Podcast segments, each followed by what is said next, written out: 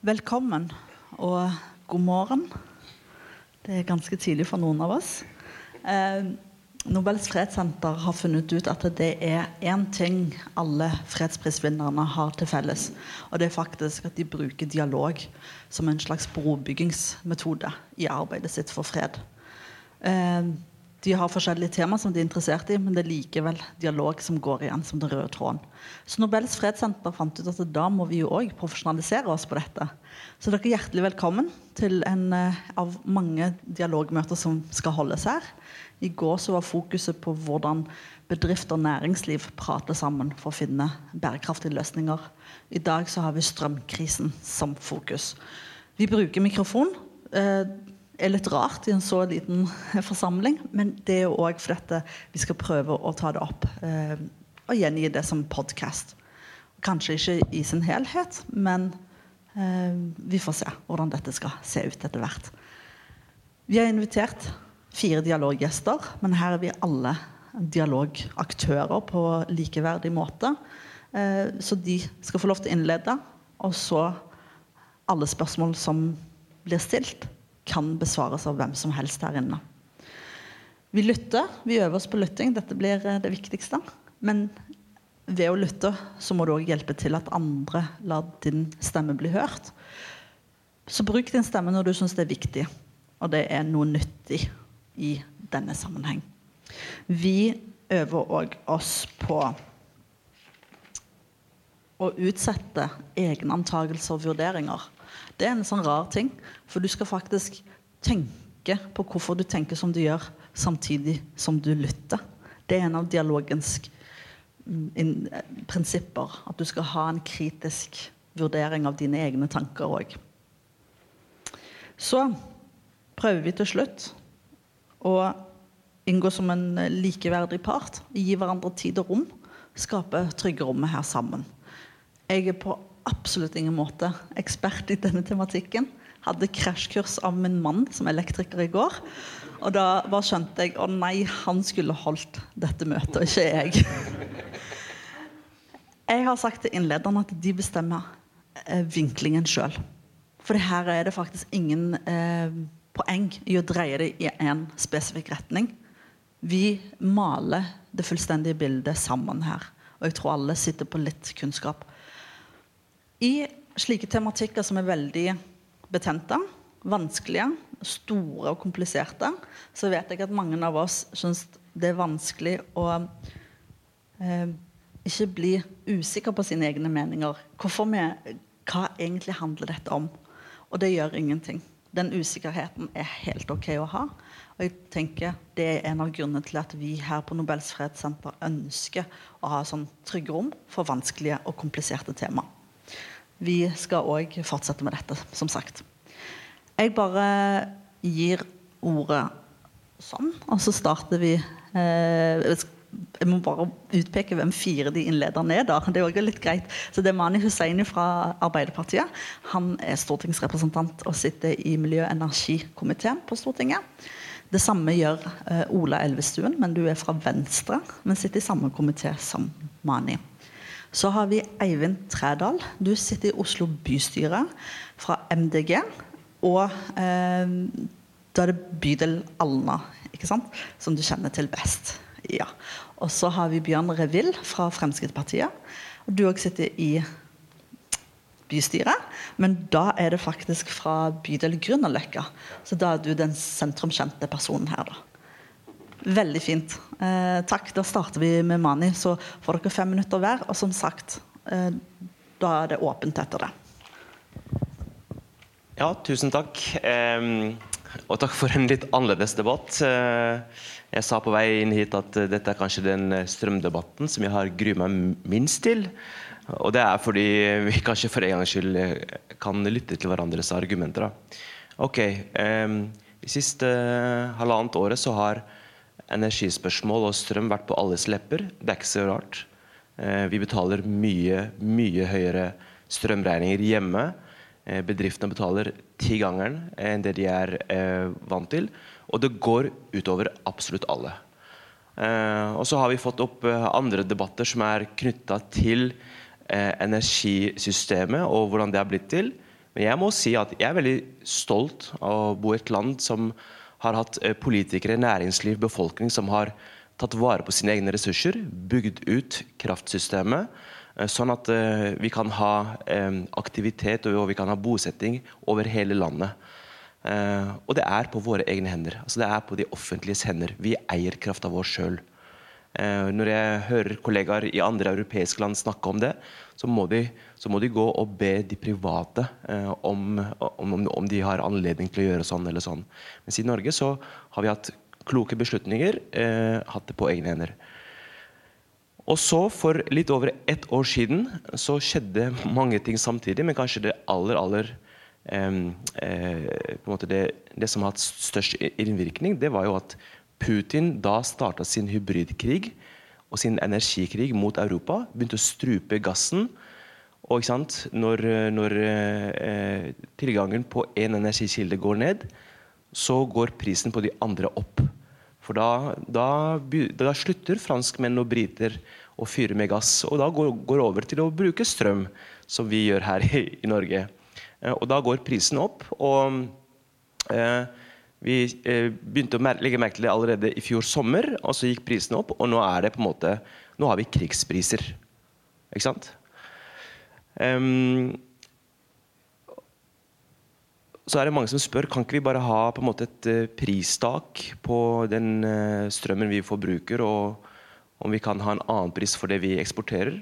Så Norge har utvekslet strøm, har vært med et strømsamarbeid i mange tiår.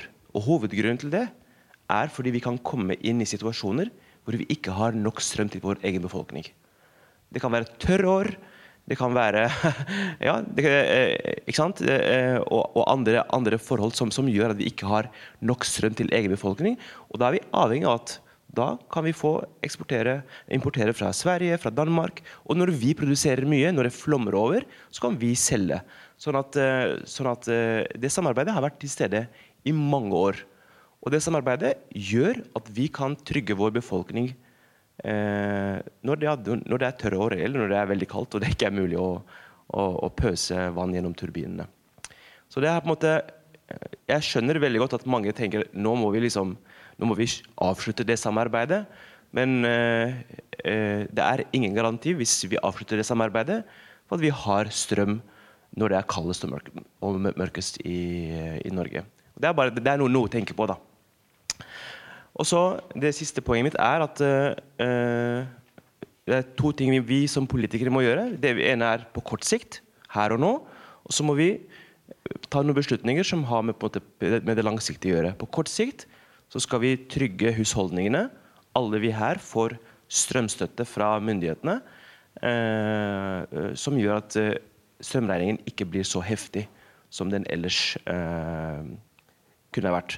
Eh, forrige uke kom vi med en ordning for næringslivet som sier til næringslivet at hvis de kan kutte i, sitt strømforbruk og gjøre enøktiltak, så skal de også få en form for, eh, for støtte. Så har vi senka elavgiftene, gitt støtte, ekstra støtte til studentene, eh, ekstra støtte for de som mottar bostøtte, og mange ulike ordninger. Men det er kortsiktig. Det er ikke en bærekraftig ordning. Det er ikke noe vi kan fortsette med 10-15 år til. Det vi må gjøre innen 10-15 år, det er å bygge ut mer kraft. Vi skal elektrifisere samfunnet. Flere og flere går over fra fossile biler til elbiler. Eh, vi, får, eh, vi, ønsker å tiltrekke oss næringsliv som skal komme til Norge fordi vi har rimelig eh, og, og, stabil tilgang på kraft. Og da må vi bygge ut mer kraft. Og Det er noe som vi må i energikomiteen nå begynne å planlegge og, beslutte, sånn at vi om 10-15 år kan ha nok kraft til å møte den nye fornybare eh, fremtiden. Stopp der.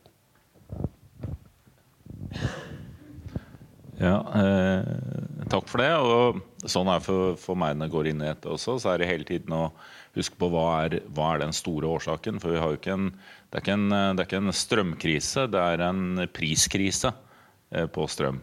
Og Det er to forskjellige ting. Det er ikke fare for at vi går i svart eller eh, eller slike ting, med det systemet som, eh, som, vi har. Og Da er det hele tiden grunnen til de høye prisene. Det er, det er som eh, det ble sagt, det er, det er, først var det Putin som begynte å manipulere og holde tilbake gass. Og så er det jo angrepet 24.2 på Ukraina.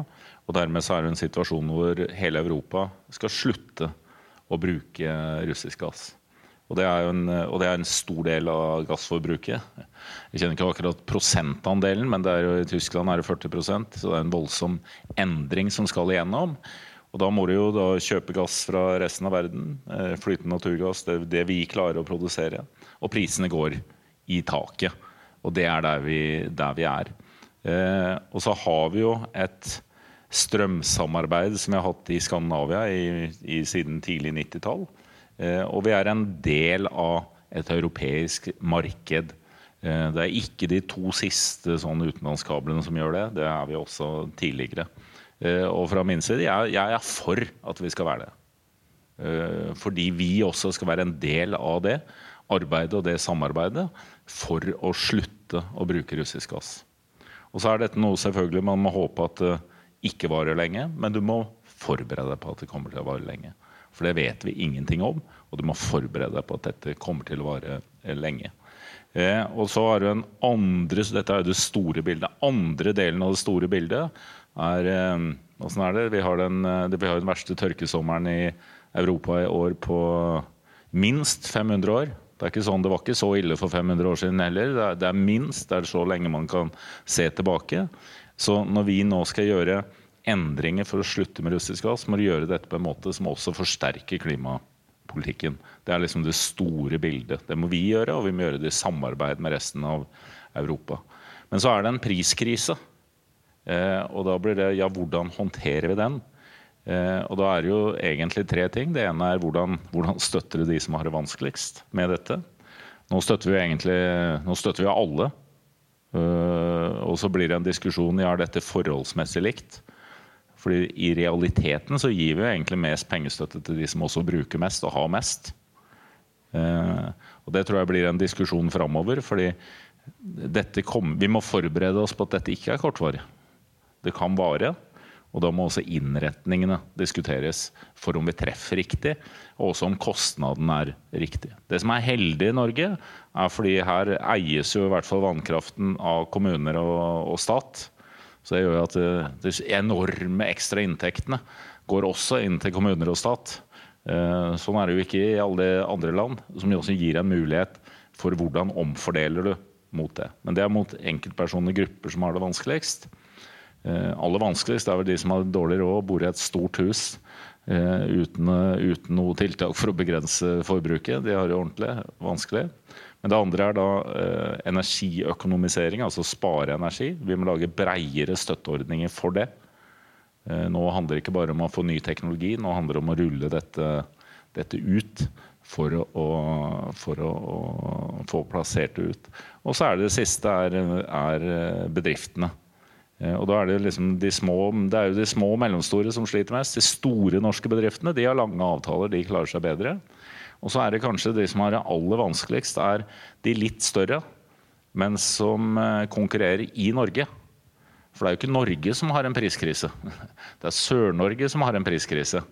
Eh, nordover er det jo ikke det. Så de sliter jo da med enorme priser her, mens de konkurrerer med tilsvarende bedrifter som sitter i Trondheim og ikke har det. Så, den, så den urettferdigheten den, eh, den slår, eh, slår, veldig inn. Og Dette er jo sånn som vi nå skal diskutere bare de nærmeste ukene. Nå kom det initiativ. Men hvordan får vi innretningen på den uh, riktig? Ja, jeg tror jeg stopper der. Ja.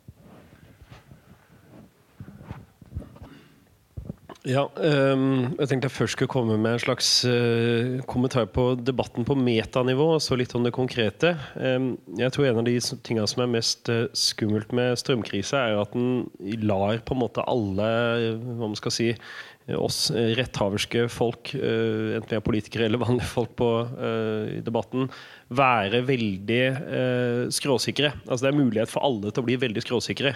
De som var mot uh, kabler til utlandet, de kan si 'hva var det jeg sa'? Her, her, kan du se, og det, De har jo et poeng. altså Kablene påvirker prisnivået i Norge. de som ville bygge ut mer kraft og syntes det var dumt at vi hadde et vindkraftopprør Vi kan jo da si, eller jeg er ikke blant de, for vi har også vært skeptiske til vindmølleutbygging, men de som ville bygge ut mer vindmøller, kan si hva var det jeg sa? Vi trenger mer kraft. ikke sant? De som er mot EU, kan si hva var det jeg sa? Her kan dere se samarbeidet ACER, et eller annet. Bruke det som argument. Mens vi som er positive til EU, kan si nei, det er jo EU som er løsninga. Og de av oss som mener at Putin har hovedskylda i det her, vi kan jo anklage de som eh, ikke anerkjenner uh, Ukraina-krigens rolle i denne priskrisa, til å hamre løs på de som ønsker å under, liksom underslå det poenget, eller se bort fra krigen i Ukraina. Og det skaper jo en veldig polarisert debatt, for da er det enten så er du på lag med Putin, eller så er du en fyr som vil selge arvesølvet til EU, eller så er det ikke sant. Det er liksom Alle kan idiotforklare hverandre og slå hverandre i huet med ganske tungtveiende argumenter. Og så er jo dessverre den kjedelige, tror jeg, sannheten at alle har gode poenger. Jeg er ikke enig i alle poengene, men det fins en kjerne av sannhet i mange av de poengene. Vi burde bygd ut mer kraft, vi burde satse på energieffektivisering. Vi trenger å samarbeide med Europa. Det er Krigen påvirker oss, men det er klart at kablene, hadde vi ikke hatt kabler, så hadde det vært et annet prisnivå. Og alt det, den kompliserte, litt uh, vanskelige sannheten, uh, er mye vanskeligere både å få mange likes og delinger på på sosiale medier, og selvfølgelig et mer komplisert resonnement for folk og velgere å forholde seg til. Og det tror jeg vi som eh, enten vi er politikere på lokalt nivå eller nasjonalt nivå, sliter med. At dette er komplisert. Og da kan jeg jo forstått være litt glad for at vi har det systemet vi har, hvor vi på en måte eh, Politikerne må Nå får man endelig møtes på Stortinget igjen. Har hatt et lite formøte på mandag og skal begynne å ha en ny sesjon eh, nå i oktober. og da tror jeg det er sunt at man har fått tid til å kjølne ned og, og kjølne hodet og, og, og, grave seg ned i materien, da, som man da skal. Eh, men for å komme til det mer konkrete, så jeg syns det er veldig spennende at denne kraftkrisa også splitter norsk politikk på helt uvante måter. Eh, jeg tilhører et parti som mener at de viktigste skillelinjene i politikken ikke alltid er mellom venstre og høyre. Eh, og i denne saken så er det jo ingen sammenheng mellom altså Det er litt som EU-saken på en måte. Hvis du så på partilederdebatten, så var det da en eh, debatt hvor Rødt, Fremskrittspartiet, SV og KrF var eh, hvis noen grovt regna på én side, og Arbeiderpartiet, Venstre, Miljøpartiet De Grønne og Har jeg glemt noen da? Høyre var på den andre sida av debatten. Det er en uvant konstellasjon. Og det splitter opp norsk politikk på helt andre måter enn det vi er vant til. Eh, men det tror jeg på en måte kan være sunt for å synliggjøre for velgerne òg at det er flere skillelinjer i, i, politikken enn bare den økonomiske høyre-venstre-aksen. og det, det, er veldig synlig her. Så Det var metanivået. Eh, for egen del så tenker jeg jo at det er eh, Vi i Miljøpartiet De Grønne har jo prøvd å flagge noen standpunkter som jeg tror det vil være nyttig å få diskutert mer seriøst. Et av dem har jo vært spørsmålet nå om, som, som Elvestuen var inne på her, om hvordan skal vi fordele de ekstraordinære kraftinntektene? Altså man har snakket, vi har jo nå en strømstøtte til vanlige forbrukere som fungerer ganske godt til å skjerme forbrukerne. Ulempen er naturligvis at den gjør det mindre lønnsomt å investere i energieffektivisering eller i solceller eller andre ting, for du får på en måte ikke den fulle gevinsten. Så Et forslag som vi har kommet med, som veldig veldig mange økonomer og eksperter Nå har de fått litt hard medfart det siste året, men peker på som en god løsning, det er eh, direkte utbetaling til forbrukere flatt. At du bare får en flat sum av det ekstraordinære kraftoverskuddet. Da må man jo sette en uh, viss uh, innslagspunkt. da. Uh, og Det betyr i praksis at bygger du solceller på taket, så får du igjen hver eneste krone uh, i reduserte strømregninger. Uh, det betyr også at de som da f.eks. er mange i en husholdning og bruker mer strøm, får mer penger, for det deles jo da flatt ut på alle, inkludert barn. Så det er en mulig løsning i de områdene med høye strømpriser. Jeg tror også diskusjonen om energieffektivisering, Der har vi jo hatt et stortingsvedtak eh, fra vel 2017 om at vi skal ha en plan for å kutte energiforbruket i norske bygninger med 10 terawatt. Er ikke det? 2015 var det. Ja. Ikke sant? Men det blei jo ikke fulgt opp i uh, statsbudsjettene. Og, og, Enova, som er vår alle felles uh, på en måte organ for å dele ut strømkundestøtte, energieffektiviseringsstøtte og solcellestøtte, den fikk jo et nytt mandat som gjorde at penga stort sett har gått til selskaper og til på en måte folk som, som, skal utvikle ny teknologi, mens vi ikke ruller ut f.eks. får ikke støtte til varmepumper, til solceller på tak i private hjem og sånne ting i like stor grad. Du får noe støtte, men, men det syns jeg er veldig spennende. fordi at uh, skal vi løse dette her, så må vi jo ikke bare dempe symptomene. Det er litt som med pandemien. Altså, det var jo ikke koronastøtten til bedrifter og private som, ikke til private, men til bedrifter som løste krisen. Det var jo vaksiner. Det var jo det å komme oss ut av det. Så skal vi komme oss ut av energikrisa, så må vi snakke om hvordan vi rigger oss i framtida for at vi unngår tilsvarende kriser. Og da må vi spare mer strøm.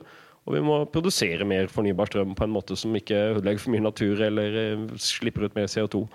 Så jeg ser jo på en måte fram til en eh, Jeg tror dette har gitt et veldig sjokk til systemet. Og så er Norge et land som er ganske gode til å håndtere uh, denne type kriser.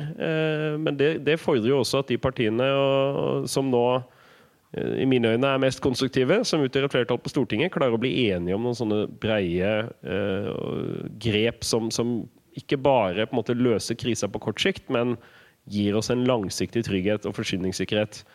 Og Der har jo mitt parti øh, vært opptatt av det europeiske samarbeidet, opptatt av samhold mot Putin, og opptatt av at vi ikke nå på en måte øh, lar dette bli et tilbakeslag for klimakampen. Det er kanskje det aller viktigste. Jeg synes det er veldig viktig det bl.a. Elvestuen peker på her, at øh, vi har hatt Hvis det ikke hadde vært krig i Ukraina nå, så tror jeg vi hadde hatt litt flere medieoppslag om at en tredel av, av Pakistan har vært under vann, at det har vært rekordtørke i Europa, at det har vært rekordtørke på vestkysten i USA, at det har vært rekordtørke i Kina det er på en måte krise på krise på krise. Og det dummeste vi gjør, er å bare løse én krise og gjøre de andre krisene verre. Så det er et uh, tema som dessverre vi må ha med i beregninga når vi diskuterer disse sakene.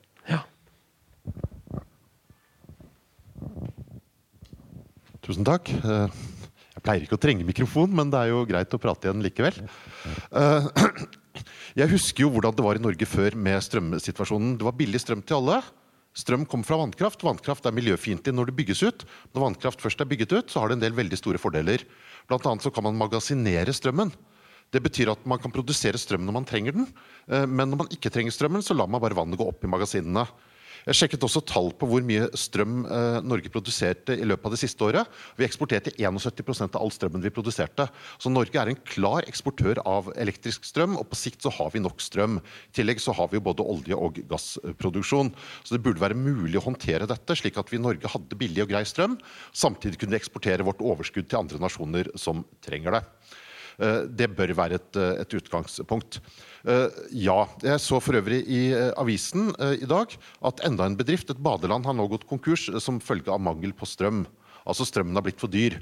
For bedrifter som driver med ganske små marginer, så er det direkte dramatisk at strømregningen øker litt. Og når strømregningen øker mye, så går de konkurs. Jeg syns det er et tankekors at REC, som lager solcellepaneler, ikke har nok strøm til å drive.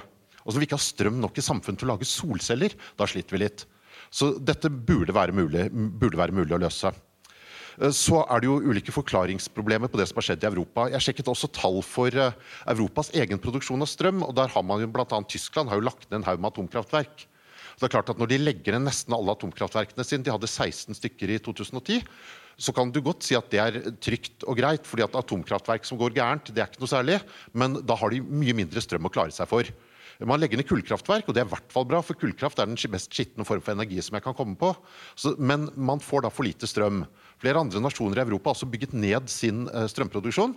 Og ulempen med det er at da blir man jo mer avhengig av import. Og Europa har gjort seg avhengig av import av gass fra Putin. Det syns jeg er veldig dumt. Man burde stoppet det for veldig mange år siden. Det er ikke første gang Putin invaderer Ukraina. Han gjorde det i 2014 også, hvor han annekterte Krimhalvøya. Allerede da burde man lurt på skal vi virkelig kjøpe gass av russerne. Bruker russerne de pengene til noe fornuftig? Så eh, Norge har jo eh, god gassproduksjon. Vi er en av verdens største produsenter av gass. Eh, mitt parti Frp har alltid sagt at vi bør øke norsk gassproduksjon. Eh, fordi at det er trygt. Da kan Europa kjøpe gass av oss istedenfor russerne, og det mener vi fortsatt. Uh, ja, så var det noen ting til jeg skulle si om hva vi eh, Jeg representerer jo Fremskrittspartiet bystyret i finansutvalget i Oslo. Vi har kommet med to forslag som jeg har lyst til å nevne. Eh, det ene så registrerte jeg litt eh, støtte for fra MDG, hvis jeg ikke tar feil. Og det er flat utbetaling av penger. Veldig mange mennesker sliter nå med strømregningene sine. Det er klart For oss som greit betalte politikere, vi sliter ikke. Vi kan bare reise til Sverige og kjøpe noen telys når det blir for kaldt. Mange mennesker derimot sliter med det. og Hvis du har veldig få små marginer på økonomien din, så skal det ikke mer enn en tusenlapp eller to til i strømregninger. Så bikker økonomien utfor stupet, og så blir det forbrukslån og det som verre er. Og disse folka sliter jo allerede med renteøkninger. Eh, de sliter med at det blir dyrere med alle mulige former for transport. Man sliter med at uh, matprisene blir høyere og høyere. Så kommer altså strømregningene på toppen av det. Da har man ikke de pengene. Fordi man har ikke så høy disponibel inntekt at dette fungerer. Så vi foreslo at Hafslund, som går så det griner, skulle utbetale noen uh, av sine uh, penger. De tjener mye mer enn det de egentlig hadde planlagt å gjøre, til Oslos innbyggere som en flat utbetaling. Det vil være noen få tusen, jeg tror vi regnet ut 5000 eller noe sånt per husstand. Jeg er litt usikker på det tallet. Jeg tror noen kunne trengt de pengene. Så en siste ting som jeg håper at det er mulig å få flertall for, det gjelder verdens mest miljøvennlige uh, oppvarmingsmetode. Og det er jeg var litt hes i stemmen etter en sykkeltur. Men det er ehm, fjernvarme. Vi har jo fjernvarmesystemet på et par hundre tusen mennesker i Oslo. og Det er veldig bra, for den varmen er jo allerede produsert. og bare dytte den ut i husholdningene. Det er kjempebra. Så har vi hatt et system som gjør at fjernvarmeprisene de følger strømprisene. De ligger litt under. Det er et slags vedtak på det. Så jeg tror 10% under jeg tror de skal ligge. Og det er jo kjempebra når strømmen er billig. Så stiger jo strømprisene til helt hinsides høyder. Så det koster 11 øre å produsere en kilowatt strøm, og så koster 7 kroner å kjøpe den. ikke sant? Da blir jo fjernvarmeprisene med oppover. Og plutselig blir de som tenker miljø og klima og vil ha bra fjernvarme, de må betale i bøtter og spann for denne fjernvarmen. Så Vi prøvde å ta opp dette i Oslo bystyre. fikk vi vite at Aksjonæravtalen til Hafslund sier at vi ikke kan selge den fjernvarmen mye billigere slik vi ønsker det. Så jeg ba da byrådet om å få aksjonæravtalen, så fikk jeg vite at den var hemmelig. Så jeg lurer jo litt. Jeg håper at den uh, aksjonæravtalen ikke blokkerer for billig fjernvarme, og at vi i hvert fall av hensyn til de som tenker miljø og har fjernvarme hjemme hos seg selv, kan få den prisen ned. Da blir alle glade. Takk. Veldig bra. Takk skal dere ha. Eh, dere legger sikkert merke til at det her er jo sånn flertall av menn. og Vi prøvde å få kvinnelige politikere med, men eh, det har vært litt vanskelig. Så vet dere det, at vi prøvde i hvert fall på det. Eh, vi avslutter litt tidligere, for da har energi- og miljø- og energikomiteen på Stortinget kalt inn til et møte. Så vi avslutter klokka halv. Eh, vi har 25 effektive minutter igjen. Men da åpner jeg. Er det noen andre som har lyst til å dele sine tanker og bekymringer? Hvordan eh, påvirker dette enkeltmannen eller kvinnen?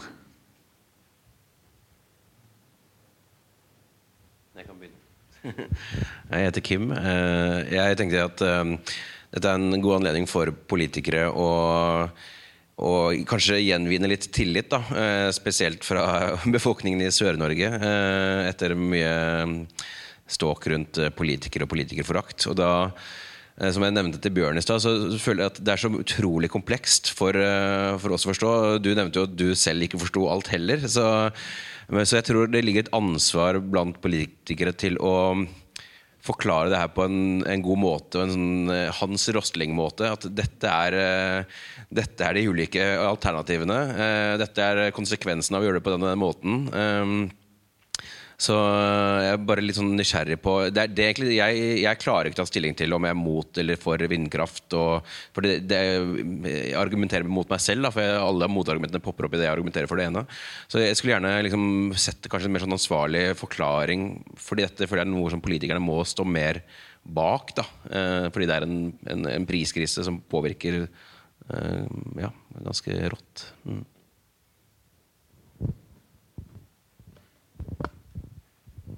Er det noen som ville svare på det spørsmålet han stilte, kanskje, før jeg fyrer løs? Hvis ikke så fyrer løs. Ja. Hallo?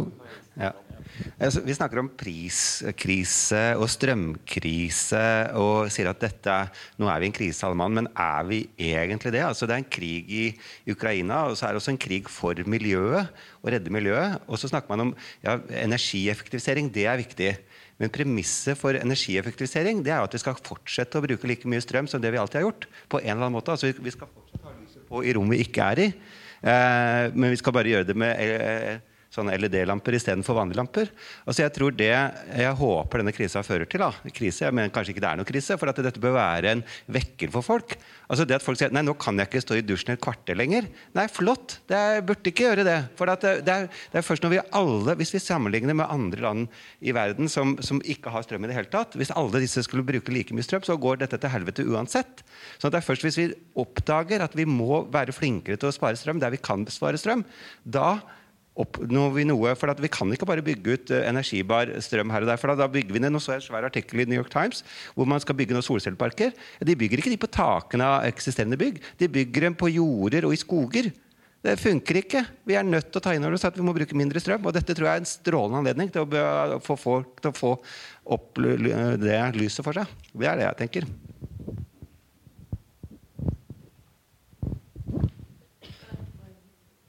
Ja. Jeg tenker at det, vi har ikke replikker i dag. Her er det jo egentlig bare ta ordet, og så eh, gå, trenger ikke gå i en sånn rekkefølge fordi at du er førstemann ut. Vi gir flest mulig til å prate før vi kan eventuelt gi en ny runde. Alle spørsmål som dukker opp, alle kan svare på det. Jeg heter Ingvild og eh, fikk bare et spørsmål når Petter sa det som han sa. fordi da så jeg at mange av dere politikerne satt og nikka. Men hva hvis man sa det i Stortinget?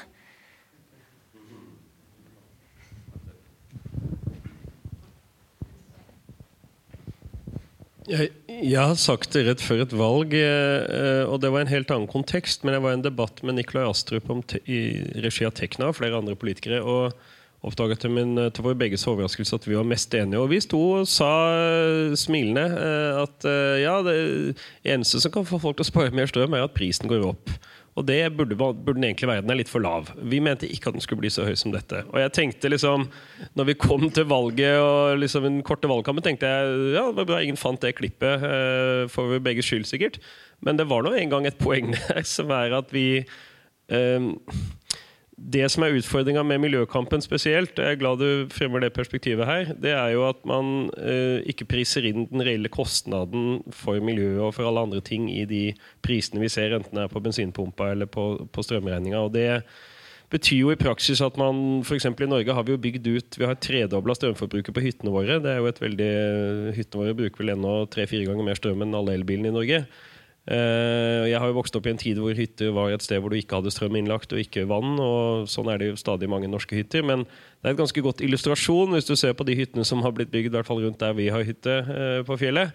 Eh, min familie, så, så har jo de blitt veldig strømslukende. Og det er nå engang sånn at når vi på en måte ignorerer naturkostnaden, klimakostnaden for et høyt energi- og materialbruk, så blir jo ikke den regninga borte. Den tas av framtidige generasjoner eller av naturen eller av ja, oss alle på lang sikt. Så det er ikke et veldig populært budskap, og det er kanskje hovedproblemet. Men jeg tror det er viktig å anerkjenne også at uh, dette er en veldig viktig mulighet for oss. Ikke bare til å gjøre små teknofikser som, som holder strømforbruket helt stabilt, men genuint får ned energiforbruket vårt. For vi må komme oss over altså et uh, værbasert da, uh, energisystem som vi i større grad må få det ligner jo mer på seiling enn å plugge en cabincruise gjennom fjorden. Liksom. Da må man jobbe med eh, energistrømmene. Man må finne måter å eh, fange energi og bruke den på en bærekraftig måte. Og mitt store håp er jo at vi klarer det, men da må man holde tunga rett i munnen. Jeg synes den debatten vi har hatt Jeg har vært med i miljøbevegelsen siden jeg var 14 år gammel. Eh, og den størst, mest splittende saken har jo vært fornybar kraftutbygging i natur. Eh, det er det den dag i dag. Vindmøller får alle til å tenne på alle plugger f.eks. Men jeg tror, eh, jeg tror, ikke det svaret, dessverre, hvis vi skal fjerne all fossil energibruk, bare er energieffektivisering. Men det er en grunn til at det seiler opp som noe av det viktigste nå. Og hvis dette her kan bli en vekker som gjør at folk skjønner at det å la lyset stå på eller bruke varmekabler til varme oppkjørselen er eh, grov ufornuft og sløsing med verdifulle og, og knappe ressurser, så, så, er jo det bra. Men ingen av oss ønsker at folk skal sitte og slite med å betale strømregninga. Så det er der vi på en måte som politikere særlig tror jeg møter oss sjøl i døra. Det, ingen velgere kommer til å stemme på noen som bare vil skru opp levekostnadene dine. Du må finne måter å gjøre det på som skjermer folk mot uh, si person, personlig ruin, men samtidig sørge for at vi utnytter ressursene våre så effektivt og miljøvennlig som mulig. For i det lange løp så kommer vi ikke til å klare oss hvis vi, hvis vi hele tida er avhengig av å, å, fylle mer diesel på den cabincruiseren. For å si det sånn. Så det ja, viktig perspektiv.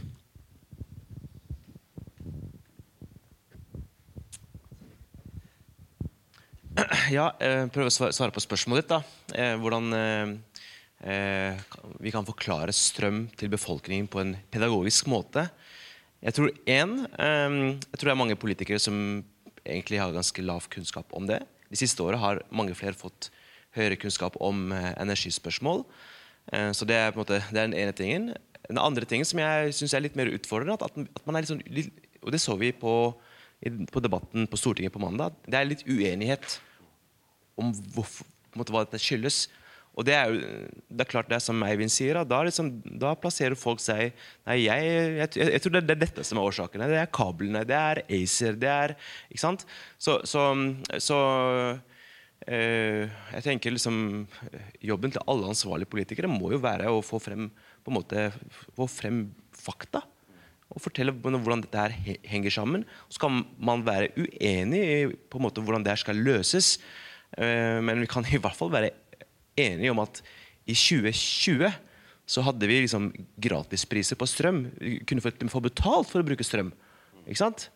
I 2021 så går strømprisene opp. Det er en eh, eh, diktator i Østen som begynner å, å, manipulere. Og i februar i år eh, går til krig mot et annet europeisk land. Det må vi være enige om. Altså, det er på en måte ting som har skjedd. Og all den tid vi er på en måte vevd sammen i et uh, energisystem Det som er med med strøm, da, det, det er jo en knapphetsgode. Det er på en måte og, og, det, må på en måte, det flyter i et system hvor man på en måte byr på det, og så er det på en måte det der uh, den finner veien. Um, det å liksom tro at uh, strøm er på en måte en vare hvor kommunen din kan bare gå og kjøpe noen tonn til sin egen befolkning, og så holder man på det. Det er jo ikke sånn det funker. ikke sant? Så, så, så jeg, jeg um, jeg mener at alle vi som er ansvarlige politikere, har et ansvar for å forklare og, og på en måte dempe temperaturen. Og så kan vi være veldig uenige. Jeg for eksempel, jeg er skeptisk. Jeg var skeptisk til de to nye kablene. Jeg er skeptisk til det som heter EUs fjerde energipakke. Jeg var veldig, også veldig imot EUs tredje energipakke. Um, men jeg er veldig for samarbeid mellom de nordiske og europeiske landene. Så må det, må, vi må liksom ikke ja, Det er som Eivind sier, han har helt rett, så jeg skal, jeg skal stoppe der. Og så til, til det, det, du spurte om, og for så vidt du også, da. Jo, vi tør å si det. Altså, Kanskje det kjedeligste setningen som har vært det siste året, er at den billigste kilowatten er den kilowatten du ikke bruker. Ikke sant? Det er jo sant. Så nei, man trenger ikke dusje i, i, i, i 14 minutter. Uh, man, man, kan klare seg med måte, ja, mange færre minutter i dusjen.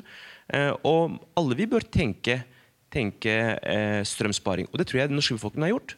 Fordi strømforbruket har gått ned. Alle har begynt å spare. I hvert fall vi som har sinnssykt høye priser. så alle har, har et bevisst forhold til det mange, altså Min, min svigerfar går rundt med appen og sjekker når det er dyrest, og, og, og, og, og på en måte forholde seg til dette. her, og Det tror jeg, tror jeg mange av oss gjør. Vi, vi, er, vi, er, blitt bevisste strømforbrukere. og Det gjør også at vi sparer når det er veldig veldig dyrt. Og det er, på en måte, det er veldig dyrt de timene, fordi det er der er størst etterspørsel etter strømmen. Da skal mange bedrifter, store, store fabrikker krever masse strøm akkurat der og da. Det er derfor prisen går opp. Sånn at jeg og du kanskje tenker kanskje ikke dusje i dag, for det koster 10 kroner eh, per kilowatt. Og jeg har tenkt å dusje i 15 minutter, så det, det, det tar jeg ikke råd til. Det er fint, for da, da dusjer du en dag mindre. ja.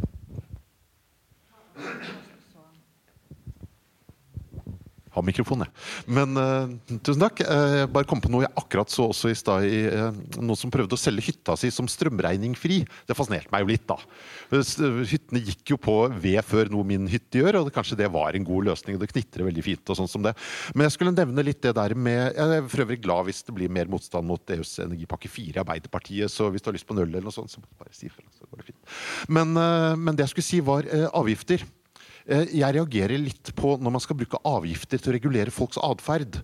Fordi man da ender opp i en situasjon hvor de som har minst, og kanskje også er de som allerede i dag sparer mest på strømmen, de må spare enda litt mer, selv om de ikke har mulighet til det, bortsett fra å trekke ut kjøleskapet eller slutte å dusje eller sånne helt, helt perifere ting. Mens de som har nok penger og varmekabler både her og der og tre Teslaer i garasjen, de trenger jo ikke tenke på dette i det hele tatt. Uansett hvor dyrt det blir, så har de pengene. Så hele tiden generelt at man skal bruke avgifter for å regulere folks atferd, det har en veldig veldig stygg sosialpolitisk profil. Uh, og Det, det syns jeg man må alltid ta med i, i debatten. Takk. Ja, nå var det mye jeg kunne sagt her. Fordi skal vi nå de klimamålene, må vi bruke alle virkemidler, inkludert avgifter. Ellers går det ikke. Og Jeg har også vært med å forhandle inn økte avgifter på strøm når det var veldig billig, med Fremskrittspartiet. Så det er flere sider der, der også på dette. Og så må jeg si, jeg, jeg, jeg, jeg tror det er viktig med kunnskapen. Du må få en hele, og nok kunnskap, ikke bare på overordna. Fordi det er, det er riktig at Norge har eksportert veldig mye strøm det siste året. Men Sør-Norge har ikke det. I Sør-Norge er det importert mer enn det som er eh, eksportert. Så det er ikke sånn Så jeg, i disse to strømkablene, jeg var for de når de ble bygget, og jeg er for de ennå. Eh, for her, hvor vannmagasinene er lave, så er det mer import enn eksport. Og det har det vært i det siste, siste året. Og det er viktig også å få frem. Det er Nord-Norge som eksporterer. Eh, for der er det, et, der er det mer enn nok som er der. Og så er det liksom det, det, som jo er det andre store vi må ha. Vi, vi, kommer til å måtte ha mer fornybar energi. Ganske enkelt fordi det er så mye nå som er fossilt, at klar, selv om det sparer, så klarer vi ikke hele omstillingen uten. Men det som er eh, avgjørende for å ikke få altfor mye konflikt, er at du samtidig må planlegge mye mer for å få mer natur. Dette må ses i en sammenheng. Hvis vi nå havner i en situasjon der debatten har begynt, der det er liksom litt sånn at nå, nå må vi ha fornybar energi, så nå må vi, nå vi ofre mer natur, da kommer det til å bli enda mer konflikt. Så det, så det som må gjøres samtidig, er at du må vi må ha mer overordna planlegging også for natur, så vi vet hvor de viktige områdene er. Vi må verne mer samtidig som vi gjør dette. Du må restaurere mer samtidig som vi gjør dette. Du må ha mye bedre forvaltning av naturområder. Vi må være sikrere på at der de trua artene er, så klarer vi å snu en negativ utvikling, sånn at det er lettere å plassere også der det skal være fornybar energi, uten at de har de store konfliktene. Og dette er nødt til å skje parallelt. Ikke minst når du skal ha de store havvindprosjektene som vil komme de neste årene, men også det som nå skjer på land. Jeg lurte på, fordi Det er jo to gode poeng med at man må bruke mindre strøm. og at det, Men problemet er da at de som har minst, eh, har ikke så mye kutta. Sånn. Hvordan kan man gradere det på en god måte, sånn at man har høye strømpriser for de som har råd til det? og ikke har høy, for høye strømpriser for de som har minst? Er det, er det, muligheter for Er det veldig vanskelig, eller er det liksom noe vi kan få til? Ja, da vil jo Det fins jo mange måter å ordne det på. Det pleier å være som søler kaffe, så var det bra noen andre tok ansvaret der. Ehm, det er jo mulig å innrette strømstøtta nå på en enda mer sosialt rettferdig måte. Det er jo én løsning. Og så vil jo jeg igjen trekke fram det vi har foreslått med en flat utbetaling, som ja nødvendigvis vil gi mest til de som har minst, eh, sånn relativt sett. Eh, da vil jo de som har høyest forbruk eh, relativt sett få mindre, gitt at de da alle får det samme summen per hode. Så Det er en måte å løse det på. da. Så kan det finnes andre. Men jeg tror det er et veldig viktig spørsmål. For man ønsker jo da Men, men da er det jo det overordna spørsmålet er da ønsker vi å bruke denne støtteordninga til å omfordele. Og det vil jo noen være enig i, og andre være uenig i. Så jeg syns det er et veldig spennende spørsmål.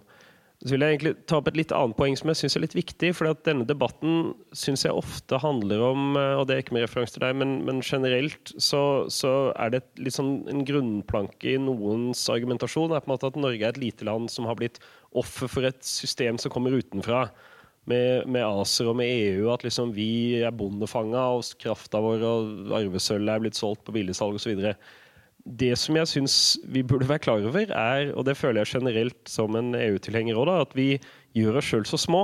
Og så er jo sannheten helt motsatt. Norge er en energipolitisk stormakt, og vi er også en veldig rik, altså BNP-messig veldig stor nasjon i Europa.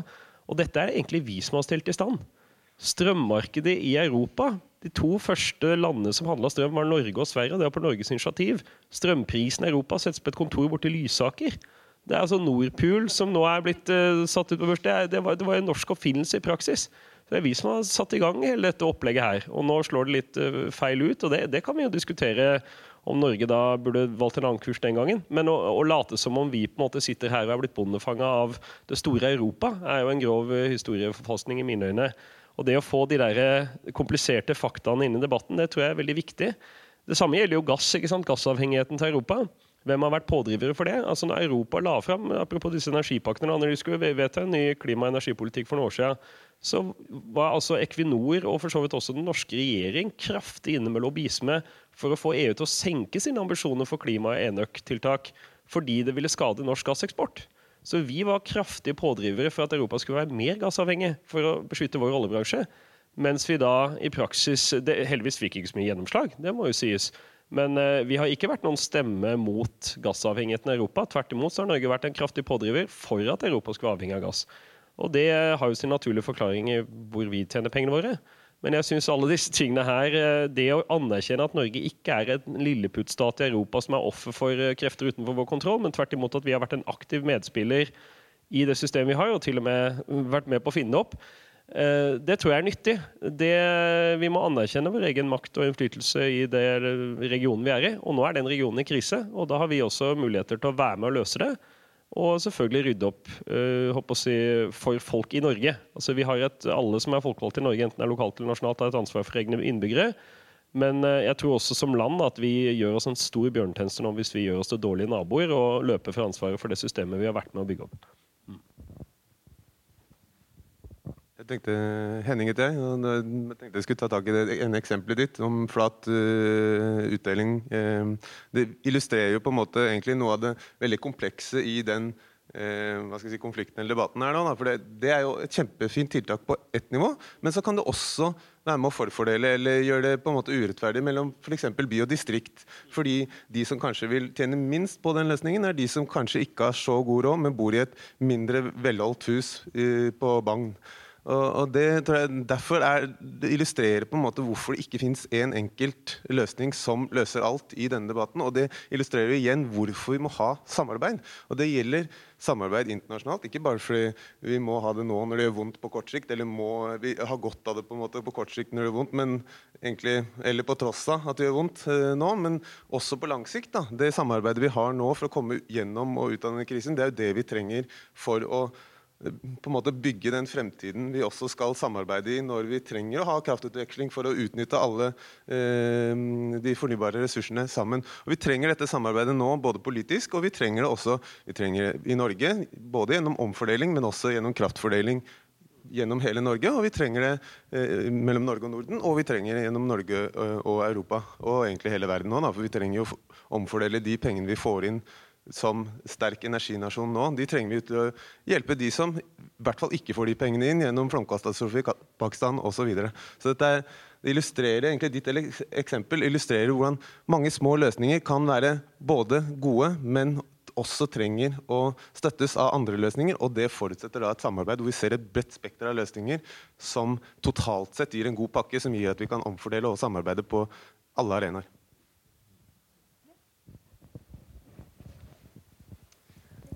Hi. Um, yeah. Um, OK.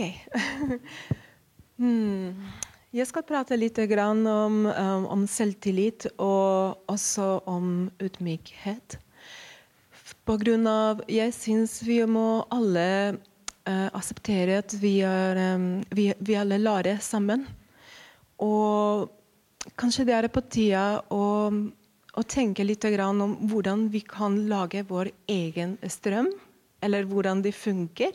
Eller hvordan barna kan lære det også.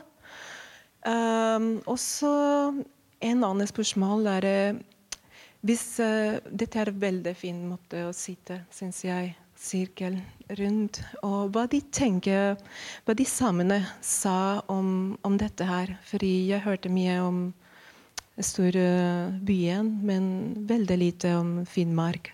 Hva de tenker om det. Takk.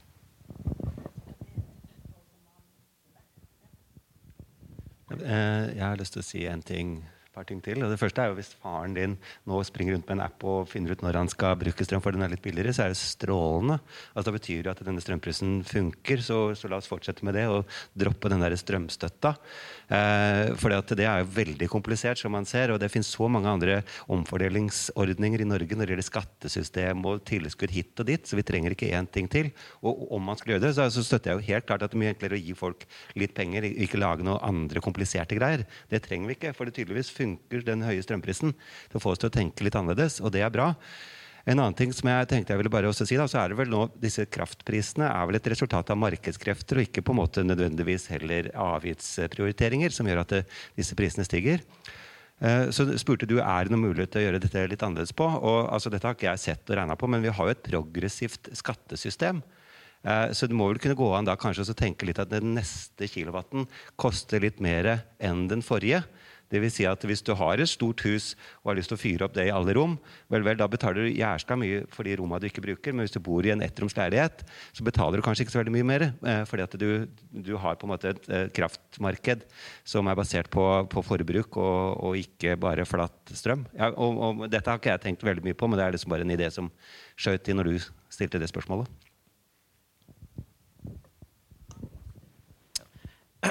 Ja, um, jeg har gjort meg noen tanker etter noen innlegg her uh, om at um, ja, selvfølgelig strømstøtteordningen kan man justere. Uh, og jeg mener at vi har vi, på kort tid, vi fikk det opp i desember, på kort tid klarte å lage en uh, strømstøtteordning som treffer alle husholdninger. Absolutt alle. Og som på en måte går via nettleia di. Det betyr at det er veldig ubyråkratisk, det er lett å få det til, og du får penger på konto. Eller du får øh, ja, Det er de færreste som får igjen penger, men vi får en redusert uh, uh, regning. Og Så kan man diskutere innretningen der.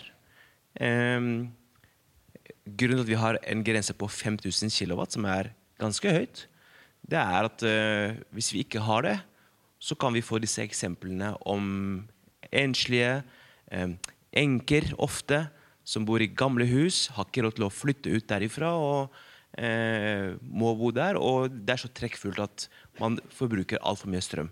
Men jeg er enig eh, at det er 5000 kW er høyt. Så det er på en måte, og sånn er det med de aller fleste ordningene vi har. at det på en måte, det er noen der som på en måte tjener også, også på det. Så, så jeg forsvarer uh, den ordningen som den er. I dag får man 90% støtte over alt det som uh, er over 70 øre. Altså når prisen er over 70 øre. Uh, det er raust. Man kan alltid diskutere på om de rikeste eller om de som på en måte har my mye penger, om de skulle ha fått dyrere strøm. Jeg personlig er imot politikersatte strømpriser.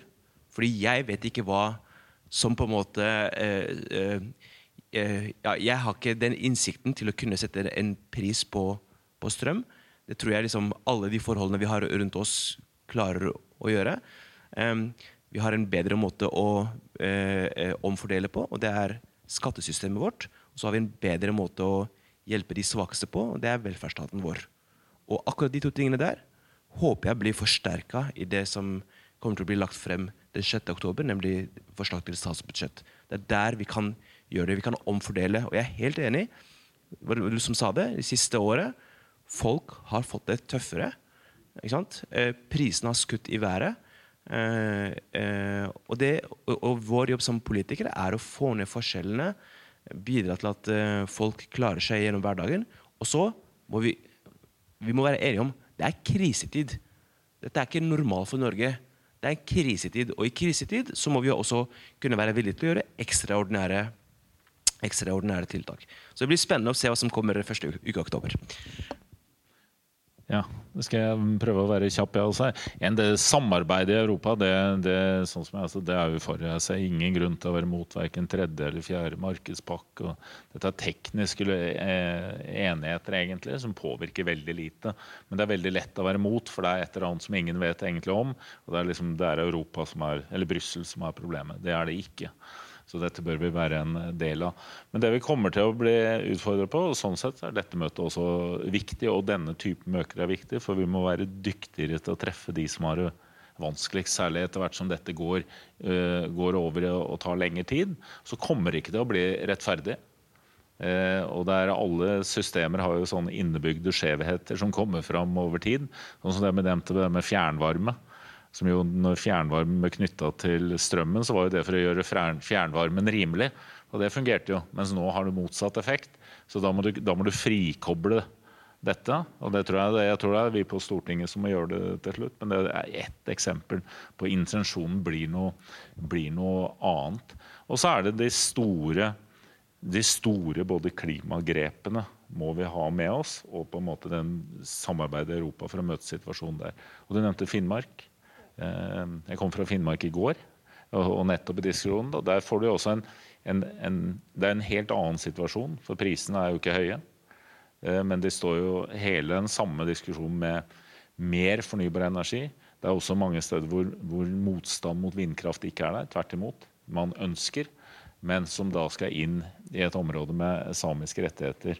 Eh, og, og særlig da reindriftssamiske rettigheter. Så det, dette er jo også et av de, de problemområdene som ikke bare handler om å snakke seg til å bli enighet, men for det ligger også internasjonale avtaler, menneskerettsavtaler, denne Fosen-dommen som man snakker om, som også ligger i bakgrunnen og setter rammer for hvor og hvordan du kan ha utbygging av fornybar energi.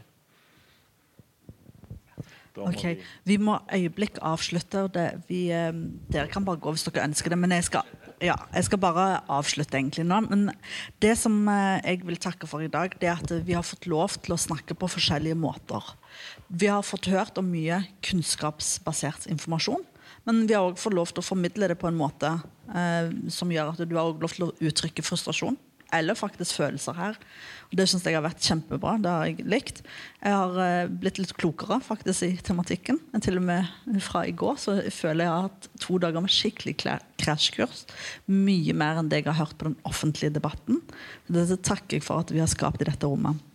Og så uh, er det ting til, tre ting til jeg vil påpeke.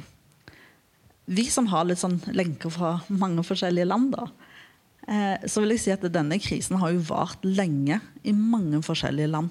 Den er kommet til Norge nå, kanskje fordi den er utløst av, utløst av, av kriger i Europa. Men slektningene mine som jeg har røtter fra Irak, da, de har tilgang til kanskje, kanskje tre timer med offentlig strøm per dag. Og i sommer så var det 50 grader, og det var en Sahara-ørken.